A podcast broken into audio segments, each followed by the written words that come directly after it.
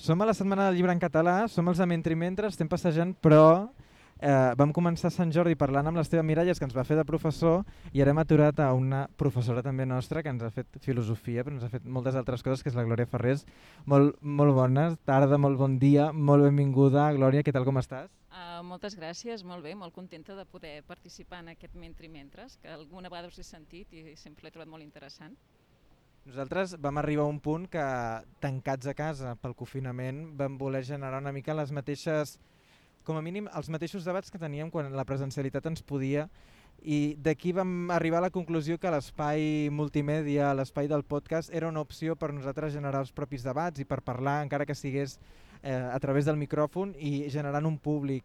En aquest exercici de, de parlar entre nosaltres també hem volgut eh, posar en dubte o valorar l'exercici del llegir, però el llegir en català, el llegir eh, dins de l'estructura que en diem l'acadèmia, dins de moltes estructures. No? I justament t'hem volgut convidar també perquè ens vas fer filosofia, però ens vas llegir moltes coses. Recordo el primer dia de classe que vas llegir Això és l'aigua eh, del Foster Wallace, i de fet, una de les preguntes que et volia fer també, ara que estem en aquesta espècie de búnquer, allunyats també de la ciutat, de les acadèmies i de tot això, és també com podem llegir en català, no? també, i quines facilitats podem o no tenim, i ara abans en deies, no? des de la fragilitat, no? que potser és una mica el tema que també hauríem de, de posar en valor. Sí, jo crec que és molt important llegir en català, en la pròpia llengua, perquè perquè l'aprenem més bé, perquè ens ajuda a agafar més vocabulari i expressar-nos, no? obrir-nos a, a nous sentits de la pròpia llengua, però a més a més eh, hi ha una fragilitat perquè no trobes totes les obres que busques en català i en el meu cas, que és l'àmbit de la filosofia, doncs encara és més acusat, perquè fins i tot la gran pila de traduccions que es va fer no? de, després de, del franquisme, als anys 80 i els 90, amb la col·lecció de textos filosòfics a l'editorial uh, Laia, um, aquests es va aturar i ara no els pots trobar ni tan sols uh, alguns ni tan sols a les biblioteques. De manera que tenim tota una pila de traduccions molt bones en català, però uh, no en podem fer ús. No? I llavors ens acostumem a llegir filosofia en castellà i fins i tot llavors quan expressem idees filosòfiques ens costa poder-les expressar bé en la nostra llengua. No? Sí, tot i així, això, diguéssim, eh, volia apel·lar aquesta fragilitat, però també volia eh, felicitar no? moltes de les, aquestes editorials petites, que realment n'hi ha moltes, eh? com Arcàdia, com Fragmenta, com l'Ela Geminada, eh? me'n deixaré, eh? però de i ara, que van mm, publicant llibres de filosofia, però sí que és veritat que hi ha grans obres de la filosofia, eh? per dir la crítica a la raó pura de Kant, no la tenim en català, el Leviatán no el tenim en català, l'Ésser i el temps de Heidegger no el tenim en català, i, és, i la metafísica de el fa un parell d'anys i en aquest sentit val la pena ser conscients que, que tenim, no? culturalment tenim aquest dèficit. Clar, això que ho planteges eh, com a debat eh, ho podem plantejar també des d'on ho podríem fer i aquí és on ens hauríem d'enganxar una mica els dits perquè si no es fa també és per l'exercici de que, certa manera, abans també m'ho anticipaves, és qui ho llegiria no? i a vegades també la por de que si realment hi ha un públic construït o no, és a dir, que això no és una solució que pagi, no passa perquè algú comenci a fer-ho, sinó que passa perquè necessitem construir públics i necessitem construir una estructura que això ho faciliti, no vindria a ser això. Sí, sí, hi ha una decisió política al darrere perquè tenim el país que tenim i, i si no és a través de subvencions que, i fins i tot a nivell de, de professorat, no? que prenguin consciència de, de treballar sobre textos en català. No?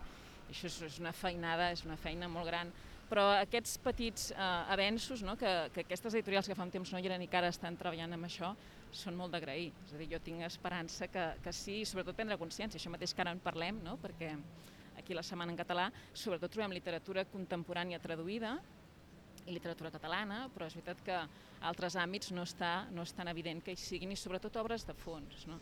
tenim tot el que és la, la part de l'antiguitat, amb la Bernat Metge ho tenim bastant cobert, però tota la modernitat, aquesta va molt coixa, eh? que potser ho conec més perquè és el meu àmbit, no? però, però és en aquí on hauríem de, de treballar més. I en el treballar-ho, eh, tu sempre hi has cregut en portar-ho a les aules, abans m'anomenaves tota la feina de treballs i, i en la tesi i tot plegat, també m'agradaria conèixer aquesta relació que vols establir, de la, gairebé podríem dir dialèctica, eh? de, la, de la tensió entre la ficció o la, construir una ficció i la, la, la filosofia com a tal I com, com hi arribes també a aquest creuament que abans t'anomenava com si fos d'escola francesa, no? Com creus també, com hi arribes?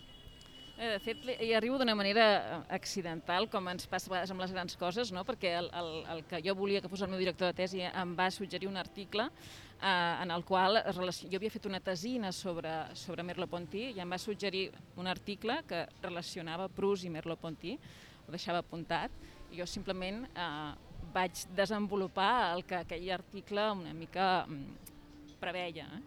Eh, per tant, va ser accidental, però és veritat que era un àmbit francès i també és cert que cada cop és, eh, no? està com més acceptat que tots aquests eh, límits que posem no? entre les diferents disciplines són uns límits eh, difusos, no? com a mínim.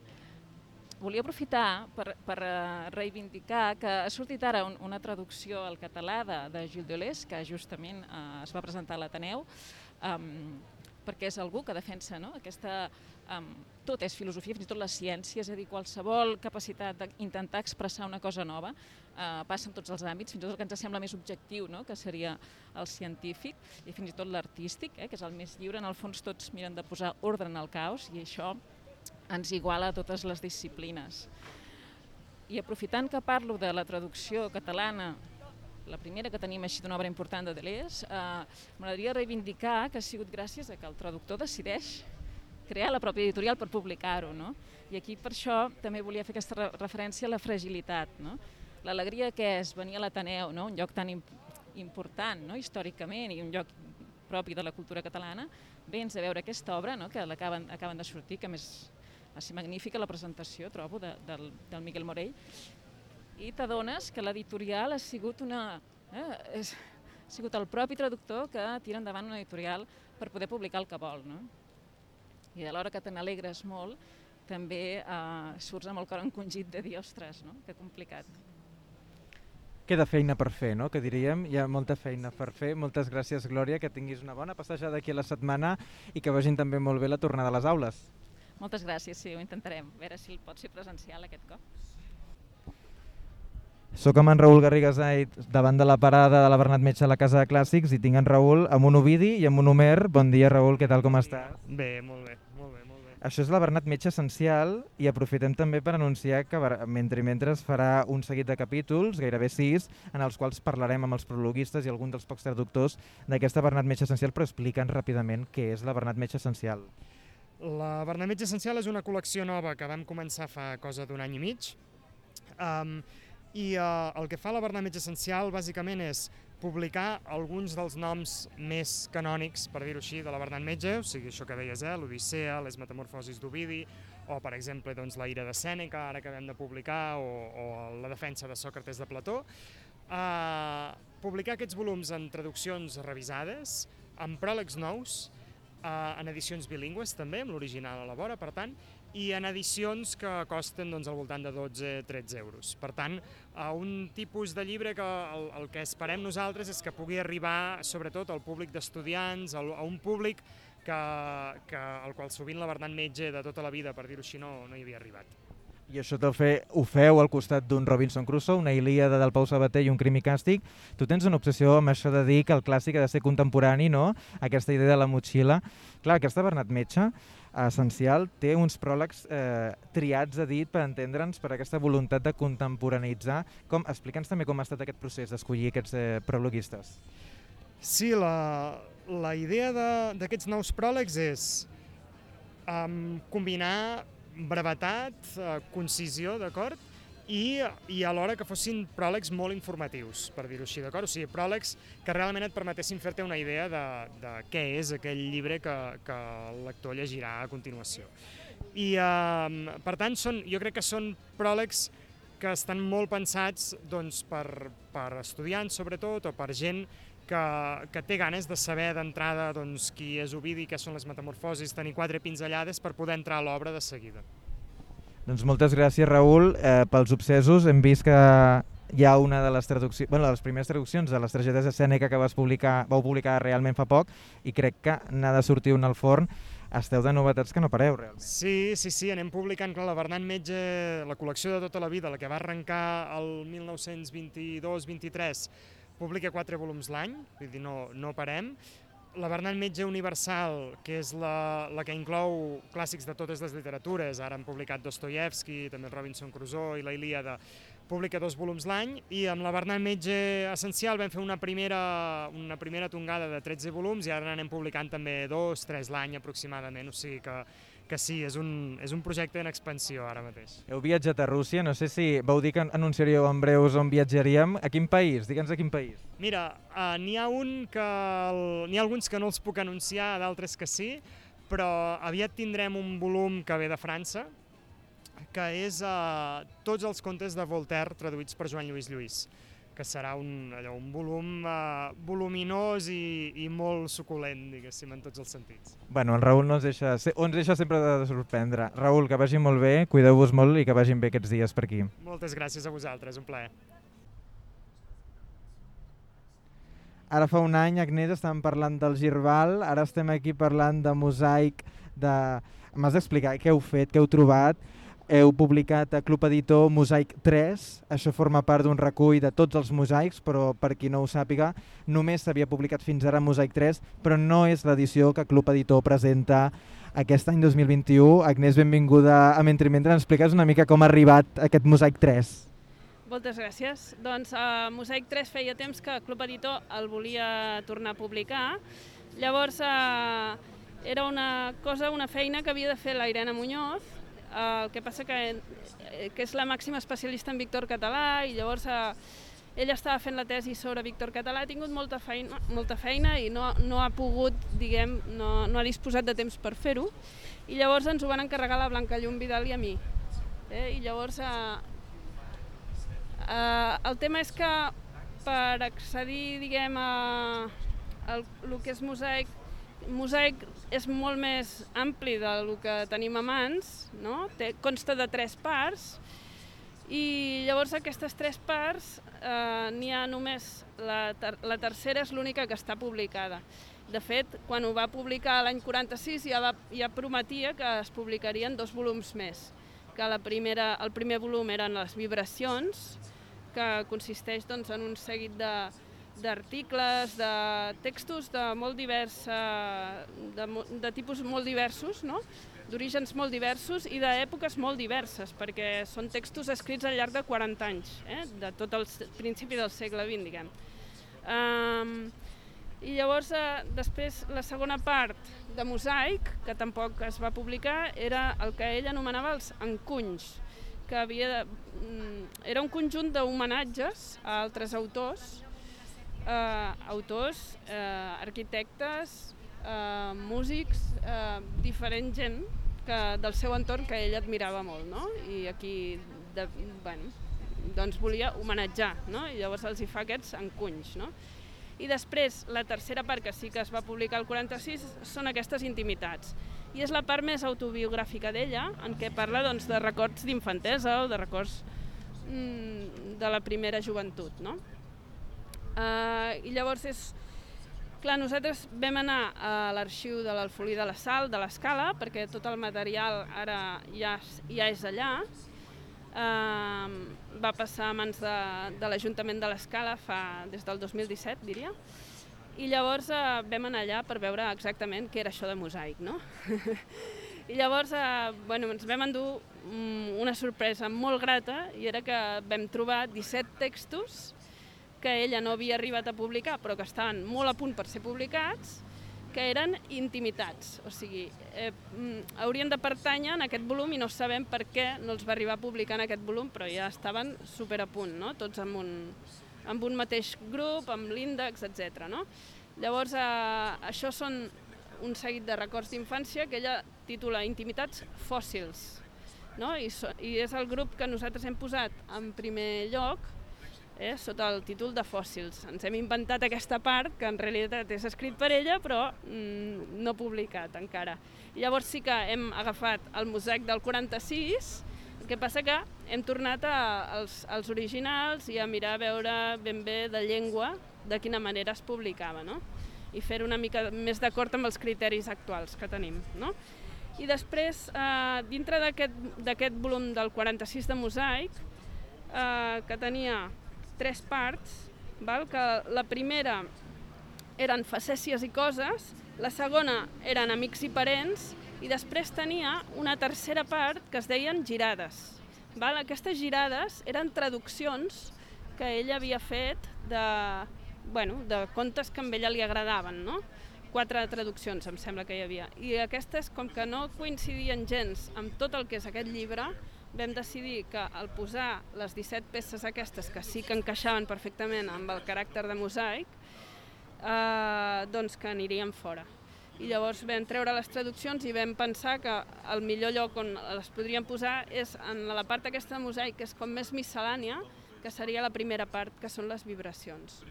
Eh, M'agradaria preguntar-te més per les possibilitats que obre a nivell interpretatiu o a nivell de lectura, eh, les noves descobertes i també cap a on creus, també que vas editar el Girbal, cap a on creus que també ens, ens possibilita la lectura de Víctor Català ara en l'actualitat? Home, Víctor Català, eh, diguem que ara és molt, molt interessant de llegir perquè és un personatge transgressor i els personatges trans transgressors són personatges extemporanis i que hi pots connectar mm, ara i sempre, no?, d'alguna manera.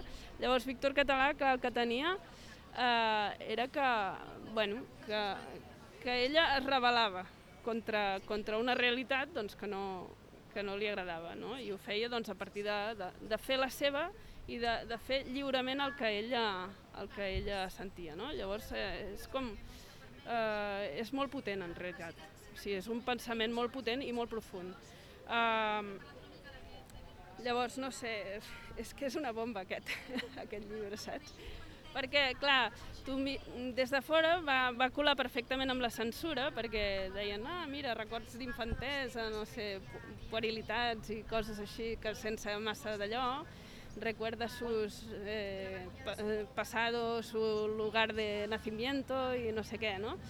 Però clar, si tu t'hi fixes, doncs comença a parlar doncs, de, jo què sé, de, de com eh, ella es rebel·lava contra el professor d'art que li feia eh, fer una escultura amb els ulls d'una manera que a ella no li agradava i llavors eh, de dintre doncs, li sortia fer-ho de la seva manera. No? I així, diverses, eh, veus com es va dibuixant el seu caràcter de transgressor i de, i de trencar la norma. I clar, això en un context de, de postguerra, eh, quan, quan estàs tots amb el coll baix mm, sota el jou, diguem, eh, és, és fort, és fort. És fort. També, perdona, eh, però també explica coses del, del, del seu pare a nivell familiar molt dures, o sigui, de, de maltractes, de històries, eh, bueno, que, que, que clar, ara, ara són també molt, molt interessants de veure, eh, de llegir després de veure tota la figura paterna, doncs de llegir els seus contes, és, és bueno, t'ajuda a entendre moltes coses. Sí. Déu-n'hi-do, déu nhi déu Moltes gràcies, Agnès. Eh, estarem, estarem frapants per llegir aquest Mosaic 3 i tots els que hagin de venir i tot el que hagi de tornar-se a publicar de la Víctor. Gràcies, Agnès, i ens tornarem a la propera. Perfecte, moltes gràcies a vosaltres i endavant.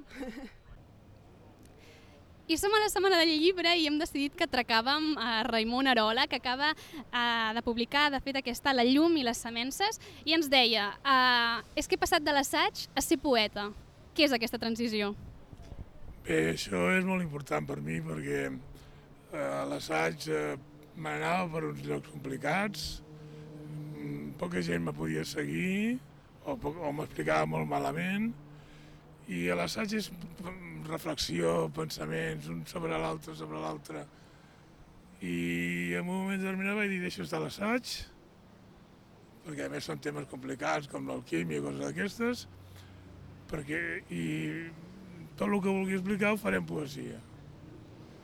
Que tampoc ho llegirà ningú ni entendrà ningú, però m'ho passo millor i té una, una cosa diferent.